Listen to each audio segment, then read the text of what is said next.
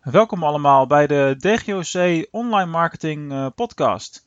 Uh, in deze aflevering wil ik het graag met jullie gaan hebben over uh, Periscope. in het bijzonder Periscope als online marketing tool. Periscope is een, een, tool die nog maar, nog maar net op de markt is, dus vrij nieuw. het is een directe aanval op de al wat langer bestaande tool Meerkat. en met Periscope kun je live streamen. Dus je kunt live uitzendingen doen uh, op het moment dat, uh, dat jij dat wilt, waar je wilt, hoe het jou uitkomt uh, met een mobiele telefoon. sterker nog, jullie luisteren nu naar een podcast, maar terwijl ik deze podcast aan het opnemen was, zond ik dat ook uit via Periscope. dus zo zie je dat je dat op verschillende manieren kunt, kunt gaan inzetten. Nou, ik ben nu zelf ongeveer twee weken geleden begonnen met, uh, met Periscope. Naar aanleiding van uh, in eerste instantie een, uh, een webinar van, van Elko de Boer. en toen werd ik heel erg enthousiast. Toen ben ik daarmee gaan testen. en niet veel later was er, was er weer een webinar. In dit geval van Mega Cindy.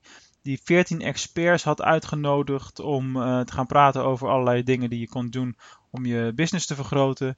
En een van de eerste tips daarin was het Periscope gebruiken en hoe je daarmee om kan gaan. Uh, en er zit ook een training achter volgens mij van, uh, van Ria Kaashoek. Uh, dus kijk daar even naar. links vind je overigens terug op, op mijn blog. ja, wat zijn nou voordelen van, van Periscope? laten we daar eventjes doorheen lopen. Wat voor- en wat nadelen. in eerste instantie natuurlijk, Periscope is een heel spontane tool. Dus je kunt direct uitzenden wanneer, wanneer jij dat wilt dus ben je aan het wandelen met de hond of ben je ergens onderweg? Uh, of heb je een paar verloren minuten die je nuttig wil, uh, wil besteden? Nou, op dat moment zou je dus uh, online kunnen gaan en kun je jou, jouw ding doen. een tweede voordeel is dat Periscope op dit moment extreem low budget is. Is echt een low budget marketing vorm. Uh, videomarketing wordt natuurlijk altijd gezien als een, als een redelijk dure manier van uh, marketingbedrijven. Het is nog steeds wel kostbaar, maar op het moment dat je een, eh, een tussenstap zet met een tool als Periscope, dan ja, kun je het in feite zelfs gratis doen. Hè? Dat is eigenlijk wat wij nu ook doen. De Periscope-opname die kun je later altijd nog publiceren op YouTube of op Facebook, wat jij wil. Ik zeg niet daarmee overigens dat uh, Periscope iets is wat uh, reguliere videomarketing kan vervangen. Hè? Absoluut niet. Daarmee zou je dat uh, echt tekort doen. Maar het is op zijn minst toch een hele mooie, mooie aanvulling op, op de tools die we allemaal al beschikbaar hebben.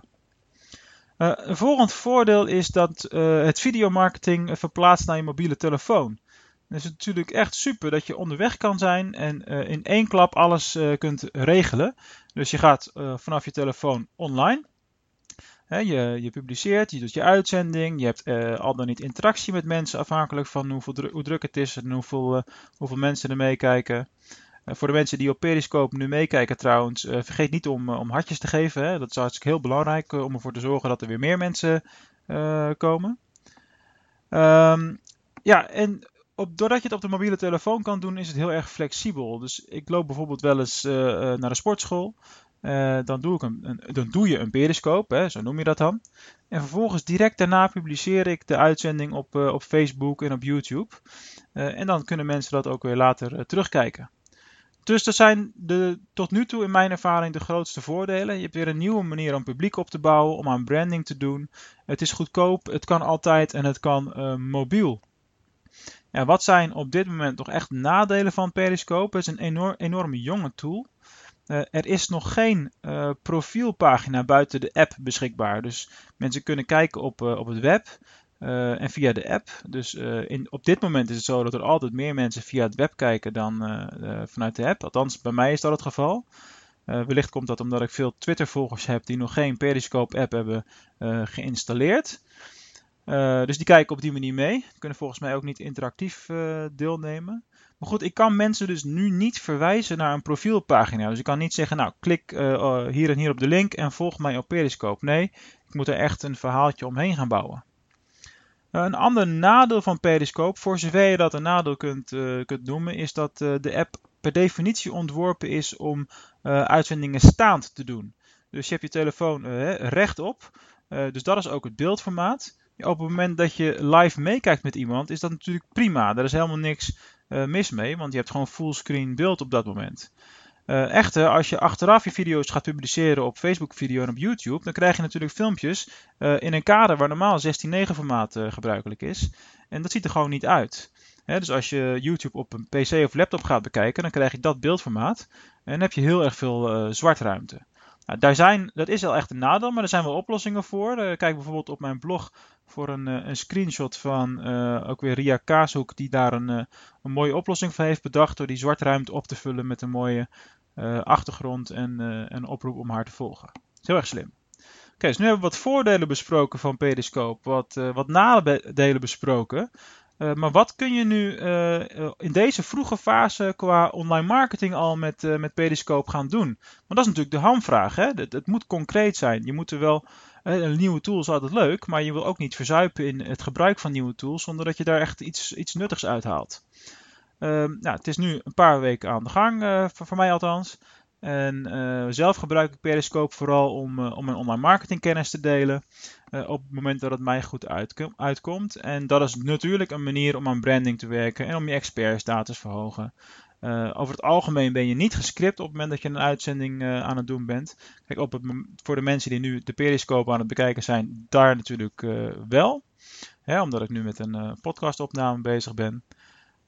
Maar de mensen zien ook wat meer van jou als mens achter de ondernemer, omdat het wat spontaner is. Het is wat meer